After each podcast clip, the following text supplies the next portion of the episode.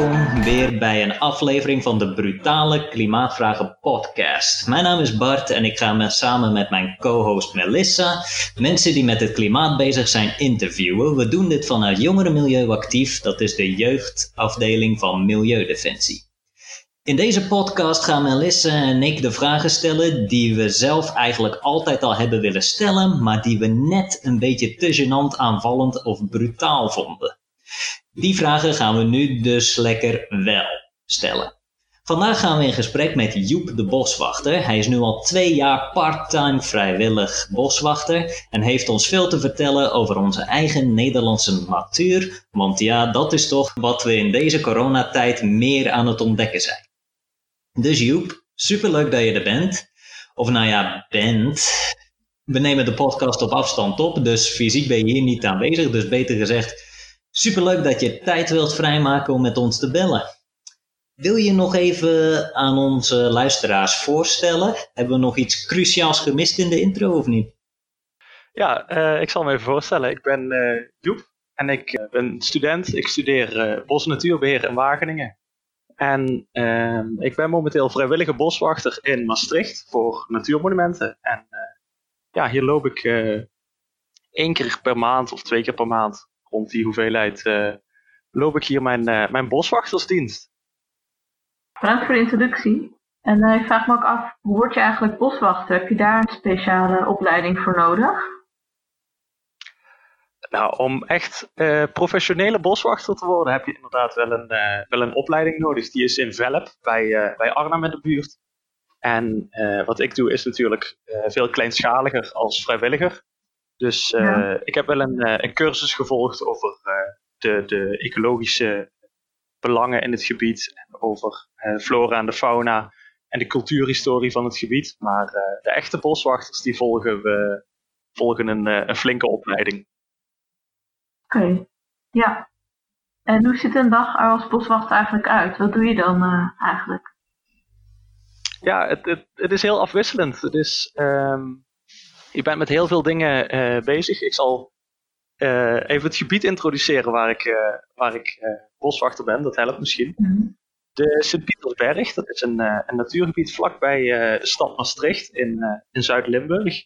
En dit is een ja, heel mooi gebied met heel veel bekende kalkgraslanden, maar ook de, de grotten. Dat is denk ik het bekendste onderdeel van het gebied. Er zijn een hele hoop grotten in dat gebied.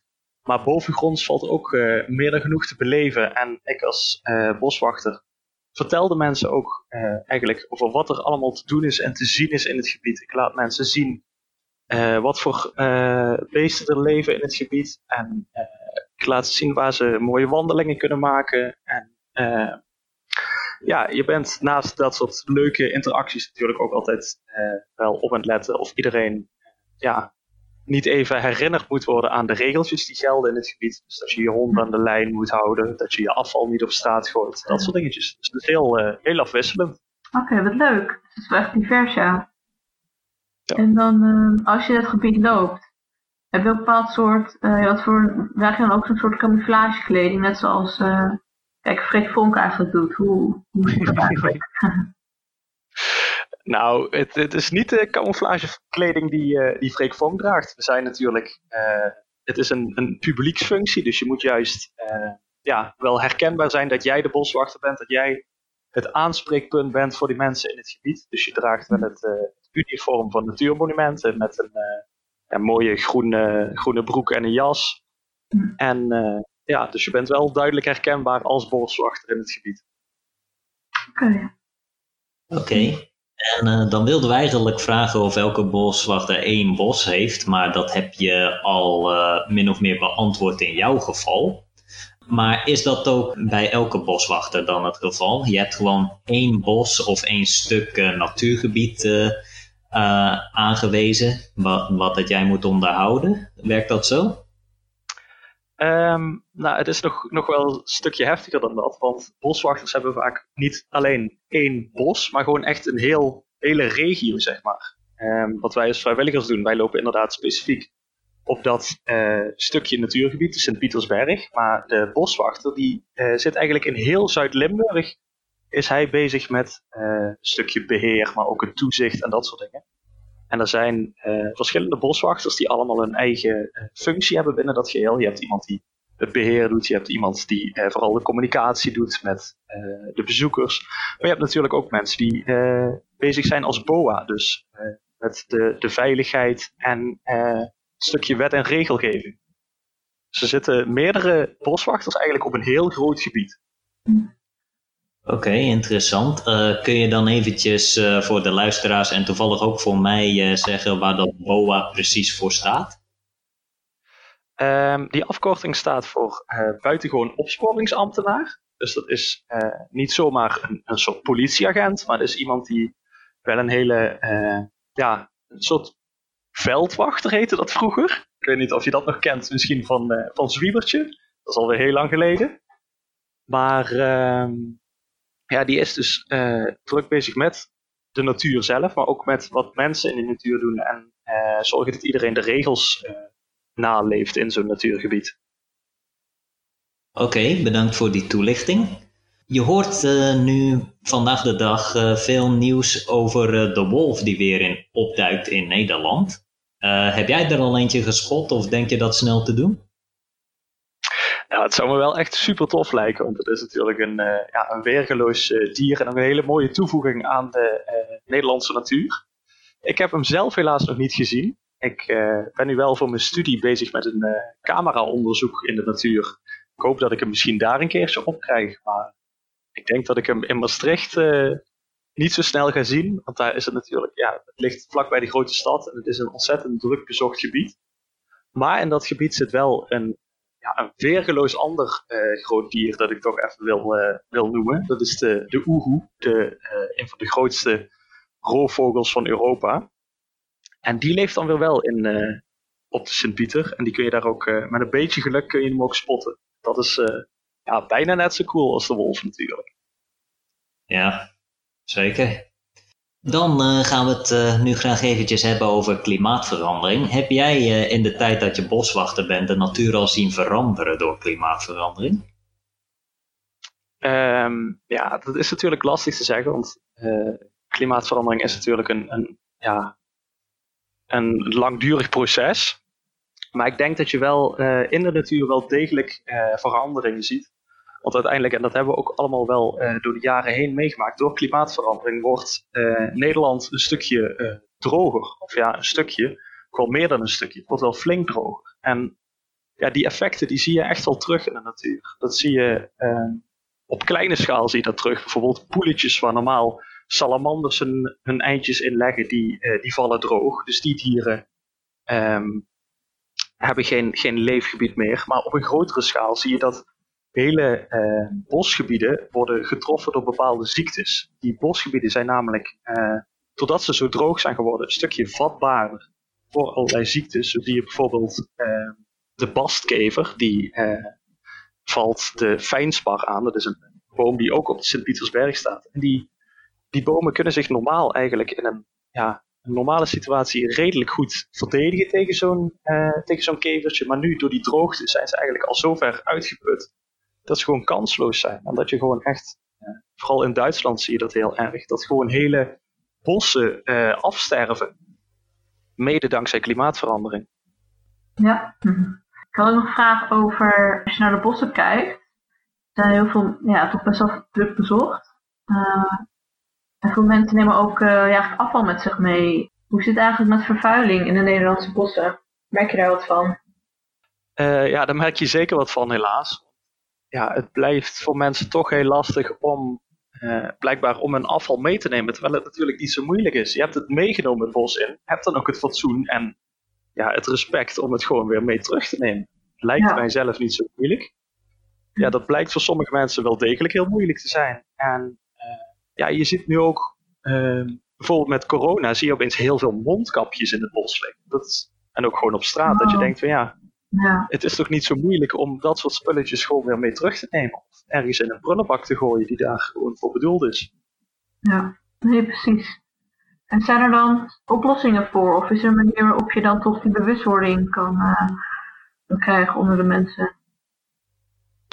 Um, ja, bewustwording is natuurlijk wel heel belangrijk, maar daar is denk ik ook wel heel veel aandacht aan besteed. Dus ik, ik vraag me, ja, je wordt toch een beetje wanhopig van ja, kun je daar nog iets mee doen? Je ziet wel dat er soms uh, wel trends ontstaan die langzaam uh, ja, normaler worden. Ik weet niet of je de term uh, plandelen kent. Het komt volgens mij over uit, uit Scandinavië. Het staat voor picking up litter while walking. Oh ja. Dus dat mensen ja. eigenlijk, terwijl ze een, een rondje gaan lopen, dat ze dan ja, onderweg een afvalzak meenemen en gewoon de rommel meenemen die ze onderweg vinden. Ja, als dat soort trends inderdaad uiteindelijk doorzetten, dat mensen dat op grote schaal doen, en dat andere mensen zich realiseren dat ze een zooi niet in het bos laten liggen, ja, dan is er natuurlijk wel hoop. Maar het wordt lastig. Ja. Nee. nee, zeker. Nee, dat zou mooi zijn als dat uh, zou doorzetten. Ja. En uh, wat is volgens jou nog een andere bedreiging voor het Nederlandse bos? Zijn er nog andere bedreigingen? Ja, ja dan, als, als je het goed vindt, dan uh, neem ik je vraag iets groter. En dan niet alleen voor het bos, maar voor de natuur in Nederland. En dan denk Ja. ik dat momenteel, je hebt het waarschijnlijk ook al heel veel eh, op het nieuws gehoord de laatste tijd. Denk ik dat eh, stikstof de grootste eh, eh, bedreiging is van de Nederlandse natuur. Want ja, op het nieuws is dus een aantal maanden geleden, eh, of misschien zelfs al een jaar geleden, bekend geworden dat pas de programmatische aanpak stikstof eh, door de rechter is afgekeurd. En eh, ja, en natuurbeheerders roepen dat al langer, dat uiteindelijk de Nederlandse natuur er aan de stikstof eigenlijk eh, onderdoor gaat. Want wat doet die stikstof nou? Die zorgt ervoor dat de natuur in Nederland die verrijkt door die stikstof en die verzuurt. En nu klinkt verrijking eigenlijk als iets heel positiefs, want ja, het wordt er rijker van. Maar doordat die bodem, door die stikstof, die wordt rijker. En daardoor eh, komen bepaalde planten op die andere planten compleet overwoekeren. Denk bijvoorbeeld aan de brand. Die gaat heel erg lekker op die stikstof in de grond. En daardoor hebben andere plantjes geen kans. En uh, je ziet het bijvoorbeeld op de heidegebieden in Nederland. Die, worden, die vergrassen compleet. Omdat ja, die heide heeft eigenlijk die arme grond nodig. En doordat die grond zo rijk wordt, ja, wordt neemt het gras het over. En niet alleen de planten die lijden eronder, maar uh, bijvoorbeeld ook de vogeltjes. Uh, calcium dat in de grond zit, kalk, die, die bindt met die stikstof. En daardoor kunnen die uh, planten bijvoorbeeld geen calcium meer opnemen. Die vogeltjes die die planten weer eten, die kunnen ook geen calcium meer opnemen. En daardoor gaat de kwaliteit van hun eitjes en van hun jongen ontzettend achteruit. En je ziet dus gewoon dat vogeltjes die uitvliegen gewoon neerstorten, omdat hun botten gewoon niet genoeg kalk bevatten en daardoor niet sterk genoeg zijn om te kunnen vliegen. In Nederland zijn we daar ja, momenteel uh, echt extreme maatregelen voor aan het nemen. Zo uh, zie je nu op de Veluwe dat ze dus met helikopters aan het vliegen zijn. En uit die helikopters strooien ze dus kalk over al die heidegebieden. Om maar te zorgen dat het niet verder verzuurt. Maar uiteindelijk oh. is dat uh, ja, dweilen met de kraan open. Mm. En zonder dat je het bij de bron aanpakt. En dat is in het geval van Nederland toch vooral de uitstoot door uh, de landbouw en door het vervoer. Ja, is het echt, ja, um, is er geen beginnen aan. En nee. ben je een beetje water naar de zee aan dragen. Ja. Dus er zouden echt wel maatregelen moeten worden genomen op dat gebied, uh, zo te horen. Ja, op landelijke schaal zouden er echt gewoon strakke maatregelen moeten worden genomen. Een uh, groot gedeelte daarvan is volgens mij ook fragmentatie, of niet? Dat zie je ook uh, in de Hoge Veluwe. Daar um, gaan verschillende snelwegen doorheen. En auto's stoten ook stikstof uit. Wel minder, maar het is er wel. En zo komt dus van alle kanten, ook binnen de Hoge Veluwe, komt die stikstof dan neerslaan. Heb je helemaal gelijk in, want dat is ook iets dat je vaak hoort van mensen die het dan horen en die denken van, ja maar waarom hebben wij dat probleem alleen in Nederland en bijvoorbeeld niet in Duitsland? Mm -hmm. En dat kun je dan makkelijk uitleggen doordat in Duitsland zijn die natuurgebieden vaak groter. Dus daardoor um, komt die stikstof, die daalt niet zo makkelijk in de kern van je natuurgebied neer. Maar omdat onze natuurgebiedjes, zoals je zegt, ja, zo gefragmenteerd zijn, ja. um, is, heeft die stikstof direct heel veel impact in het, in het gehele natuurgebied. Precies. En een, uh, zelfs een kleine weg, het hoeft niet eens een, uh, ja. Het hoeft niet eens een snelweg te zijn, maar zelfs een kleine weg door het natuurgebied door kan het al in grote mate fragmenteren. Zo'n weg heeft wel degelijk een invloed. Een weg zorgt dan misschien niet op het gebied van stikstof, maar wel het, het doorsnijdt een natuurgebied daadwerkelijk. En dat kan voor bepaalde diersoorten natuurlijk een gigantisch obstakel eh, bieden als er gewoon een weg door een natuurgebied loopt. Want bijvoorbeeld padden, die kunnen niet meer van de ene kant van het gebied naar de andere kant van het gebied trekken. En eh, ja, die zie je gewoon bij de bosjes sneuvelen eh, op dat soort weggetjes. Is de natuur in Nederland dan nog nota bene waard om te beschermen? Zouden we, ons dan, zouden we onze hulpbronnen dan eigenlijk niet veel beter kunnen richten op het beschermen van bijvoorbeeld het Amazone-regenwoud, aangezien dat veel groter is, waarschijnlijk ook diverser is? Ja, een hele interessante vraag. Maar ik denk persoonlijk dat het uh, niet een kwestie is van dit gebied of dat gebied. Het is gewoon en-en. Er is al ja, zo weinig natuur en ook zeker zo weinig natuur in Nederland dat we dat kleine beetje dat we hebben uh, zeker moeten beschermen. En daarnaast klopt het dat je zegt, de Amazone heeft een gigantische biodiversiteit. Maar dat is een totaal andere uh, soorten samenstelling dan dat wij hier hebben in Nederland. Het is gewoon een, een, totaal ander ecosysteem. En dat is zeker het beschermen waard. En ja, ik denk niet dat het zover moet komen dat we moeten kiezen tussen het een of het ander. Het is beide belangrijk. En uh, ja, dat, dat zullen we ook moeten beschermen. En ja, dan misschien nog aan toevoegen. Wat uh, voor, voor recht wil je in vredesnaam hebben om andere mensen te vertellen van jullie moeten jullie natuur beschermen, terwijl je dan zelf je eigen natuur in je eigen land aan het verkwanselen bent. Dat kan gewoonweg niet. Ja, helemaal gelijk in. En daarnaast ehm, is het uh, economisch niet juist hartstikke goed dat de natuur in Nederland blijft bestaan. Ik heb wel eens uh, gehoord dat bijvoorbeeld de toeristenindustrie rondom uh, de Hoge Veluwe een omzet van miljarden per jaar heeft. Ja, ja nee, eh, economisch gezien is de natuur natuurlijk in, inderdaad de Hoge Veluwe, maar ook de Biesbos en al die grote ja, nationale parken in Nederland. Uh, ja, essentieel. Er zijn zoveel kleine uh, middenstanders die inderdaad kunnen overleven dankzij de, uh, dankzij de toeristen.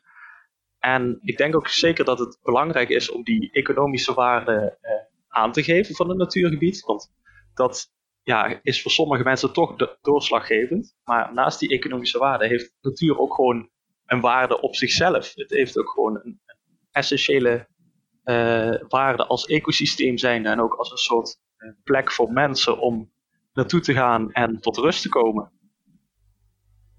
Ja, dat uh, vind ik zeker ook. En ehm, misschien is de natuur in veel plekken in Nederland nu juist wel een manier voor um, verschillende middenstanders, zoals je zegt, om nog het hoofd boven water te houden. Kijk, uh, veel van de horeca-aangelegenheden rondom de Hoge Veluwe uh, lijden weliswaar misschien wel onder corona, maar omdat het vlak naast een natuurgebied ligt, hebben ze misschien nog net een beetje inkomen ervan. Ja, ja, je ziet dat in dat, op de Sint-Pietersberg, waar ik werk, dan zie je inderdaad, er liggen natuurlijk verspreid aan de rand van het gebied liggen inderdaad een aantal horecagelegenheden. En uh, die zijn wel nog open voor afhaal. En natuurlijk omdat je in een natuurgebied zit, denken mensen toch van oeh, lekker even een, kopje koffie halen of zo. En dan drinken ze dat al lopend uh, door het gebied, drinken ze dat op. Dus daarmee kun je wel als, als horeca-ondernemer inderdaad je hoofd boven water houden. Natuurlijk wel belangrijk dat die mensen daarna een koffiekopje uh, weer in een prullenbak weggooien of mee naar huis nemen en niet in het gebied laten liggen. Ja, klopt. Dus uh, de natuur helpt ons eigenlijk ook nu in de coronacrisis om gewoon het hoofd boven water te houden. Helpt ons economisch verder. We mogen blij zijn dat die uh, nog bestaat hier in Nederland. zeker, zeker. Zeker, zeker. Ja.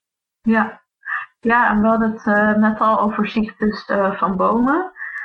En nu zien we, ja, we zijn kwetsbaar voor virussen. En ehm, het nieuws was een tijd geleden, ging het over een mysterieuze ja, meestenziekte. Uh, in Duitsland was dat geloof ik. En een bericht dat er um, een half miljard bijen in Brazilië waren gestorven en in Noord-Italië. Ik weet niet of dat de reden, ziektes, of dat de reden was. Uh, in ieder geval, het zijn berichten over uh, dieren wereldwijd waar het gewoon minder goed mee gaat. En ik me af, hoe gaat het eigenlijk met de dieren in Nederland? Hoe zie jij dat in bijvoorbeeld het, in het gebied waar jij in zit? Um, ja, je hebt in Nederland natuurlijk wel uh, de, de dreiging die nu weer terug lijkt te komen van de vogelgriep. Dus dat is wel inderdaad iets dat uh, zeker in de gaten moet worden gehouden. En um, ja, je ziet uh, langzaam richting Nederland komt ook de Afrikaanse varkenspest. Dat is een ziekte die zowel onder wilde zwijnen als onder varkens die voor de vleesindustrie worden gehouden zich kan verspreiden. En dat is natuurlijk wel iets dat ook weer, we hadden het net over de economie, ook weer gigantische economische gevolgen kan hebben. Als zoiets straks hmm. in, via wilde zwijnen terechtkomt in onze uh, bio-industrie. Ja. Oké. Okay. En uh, vroeg me af, hoe gaat het verder eigenlijk ook met dieren in het algemeen in Nederland, wilde dieren? Uh, nou, dat is eigenlijk iets dat natuurlijk gelukkig, en dat is ook wel prachtig, dat gaat eigenlijk steeds beter. Je ziet um, de terugkeer van een hele hoop uh, diersoorten naar Nederland. Je ziet de, uh, de wolf is nu teruggekeerd sinds een aantal, uh, aantal jaren. Heeft hij zich echt, echt vastgevestigd in een aantal natuurgebieden in Nederland. En er zijn ook een aantal grote organisaties die daar druk bezig mee zijn met het, ja, het verwilderen van Nederland.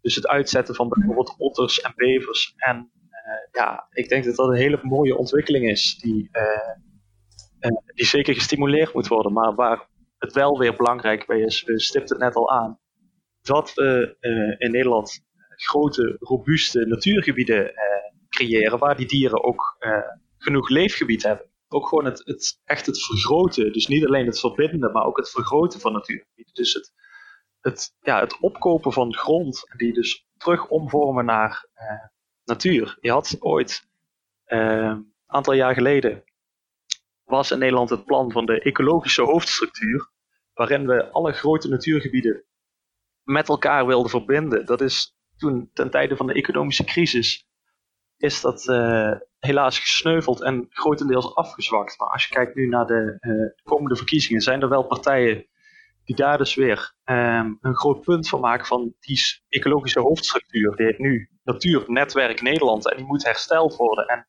zo snel mogelijk uh, voltooid worden. Waardoor we dus ja, heel veel natuurgebieden vergroten en daardoor uh, ja, uh, beter beschikbaar maken voor al dit soort ja, prachtige soorten. Ja, hartstikke cool dat je dat nou net zegt. Want um, op 2 november hebben wij bij Jongeren Milieu Actief een Facebook-post daarover gezet. Natuurnetwerk Nederland, inderdaad. Um, elke Nederlandse provincie heeft zijn eigen opdracht van de regering om een doel te vervullen. Een bepaalde hoeveelheid oppervlakte die ze om moeten zetten naar natuurgebied. Uh, voor Noord-Holland is dat bijvoorbeeld 15% van de totale oppervlakte van de provincie. En daarvoor heeft de provincie nog 5600 hectare of 7500 voetbalvelden te gaan. Ja, dat is een, een gigantische hoeveelheid die inderdaad nog nog uh, um, ja, ontwikkeld moet worden. Dus ik ben heel benieuwd hoe zoiets, uh, hoe zoiets gaat. Ze hebben tot 2027. Oké. Okay. Ja, om het over te hebben over die natuur waar we zo graag uh, in wandelen. Dat nu ook in deze tijd merk ik zelf en ook mensen omgeving dat we steeds meer nu naar natuur op zoek en naar buiten gaan. veel meer wandelen in de natuur. Uh, maar zou, ja, zorgt dat eigenlijk ook niet voor te veel drukte in de bossen en uh, in de natuur? En is er sprake van uh, negatieve gevolgen of beschadiging aan de natuur, deze drukte? Ja, je ziet inderdaad heel, heel zeker dat natuurgebieden steeds drukker worden. En er was laatst een onderzoekje van, de, van het tv-programma De Monitor. En volgens mij kwam eruit dat 85% van de boswachters inderdaad zei van ja, we hebben meer eh, problemen in onze natuurgebieden doordat het steeds drukker wordt. Sinds corona. En uh, ja, het is inderdaad, het wordt ontzettend druk. En natuurmonumenten waar ik vrijwilliger voor ben, heeft uh, ook in, tijdens de eerste golf op een gegeven moment zelfs moeten aangeven dat mensen eigenlijk niet meer naar natuurgebieden moeten, moesten komen omdat het gewoonweg te druk werd. En ehm, ja, dat, is, dat zijn natuurlijk de, de negatieve kanten. Maar aan de andere kant is het denk ik ook ontzettend mooi dat mensen dus de natuur weer, weer opnieuw leren waarderen. En uh, zien hoe belangrijk de natuur ook voor zichzelf is. Of sorry, uh, voor hunzelf is. En uh, ja, dat, dat laat zien hoe belangrijk natuur is. En uh, dan wil ik nog als, als tip meegeven dat Natuurmonumenten is een vereniging waar je lid van kan worden. En hoe meer leden Natuurmonumenten heeft, eh, hoe groter ook hun, hun, zeggenskracht is in bijvoorbeeld Den Haag. Dus hoe eh, meer invloed zij kunnen uitoefenen op het beleid. Uh, Omdat ze dan kunnen laten zien hoe ontzettend veel mensen in Nederland natuur belangrijk worden. Dus ja, als je eh, dit interessant en belangrijk vindt, is het natuurlijk ja, mooi als je ook lid kan worden van Natuurmonument. En daarnaast kun je ook, net zoals ik, vrijwilliger worden bij Natuurmonument. Want het is niet alleen iets dat in Maastricht in het zuiden van Nederland eh, mogelijk is, maar eigenlijk door heel eh, Nederland kun je vrijwilliger worden. Dat, ja, ik ben toch even reclame maken. Dat zou je op nm.nl slash vrijwilligers kunnen kijken. En daar kun je een leuk project opzoeken bij jou in de buurt waar je ja, je steentje bij kan dragen. Ja, wat goed om te weten. Ja, ja, het is zeker wel luisteraars zouden zijn die uh, daar interesse in zouden hebben. Meer natuur in en kunnen beschermen. Ja, dat hoop ik wel. En nog uh, de laatste vraag alweer. Uh, heb jij nog tips voor leuke, interessante natuurgebieden in Nederland uh, om naartoe te gaan deze winter? Nou ja. Misschien een plek, ja, dat niet te veel mensen natuurlijk komen, maar ja, wat zijn speciale gebieden? Ja, de Sint-Pietersberg natuurlijk. Dat is waar, waar ik natuurlijk veel van loop. Dat is een prachtig gebied. Maar uh, ja, daarnaast ben ik ook wel fan van de Wiede Weerhebben. Dat is een, een prachtig en heel nat gebied. Daar eh, leven ook, is eigenlijk het kerngebied van de otters in Nederland. Dus dat maakt dat wel een heel ja, mooi, uniek gebied. Maar ook de, ja, er wordt wel zeker nieuwe natuur ontwikkeld. vooral langs de rivieren in Nederland. Zie je bijvoorbeeld bij de grensmaas zie je dat daar prachtige stukjes nieuwe natuur worden, nieuwe, worden gemaakt. En ja, daarnaast is bijvoorbeeld ook het Groene Woud in, in Brabant echt een, een aanrader, een prachtig natuurgebied waar je ook zelfs met een beetje geluk edelherten kan spotten. Oké, okay, goed om te weten. Nou, Joep, ik wil je hartelijk bedanken. We zijn het einde gekomen van de podcast. En uh, heel leuk dat je er was en dat we brutale vragen aan je mochten stellen. Ja, graag gedaan. Heel interessant vandaag. Heb je nog iets om toe te voegen? nou ja, ja, ga er vooral op uit. En ga de natuur in, ga naar buiten. En eh, ja, zie hoe mooi Nederland ook kan zijn. En ook misschien nog wel hoeveel mooier Nederland kan worden in de toekomst. Als we daar een beetje ons best voor doen.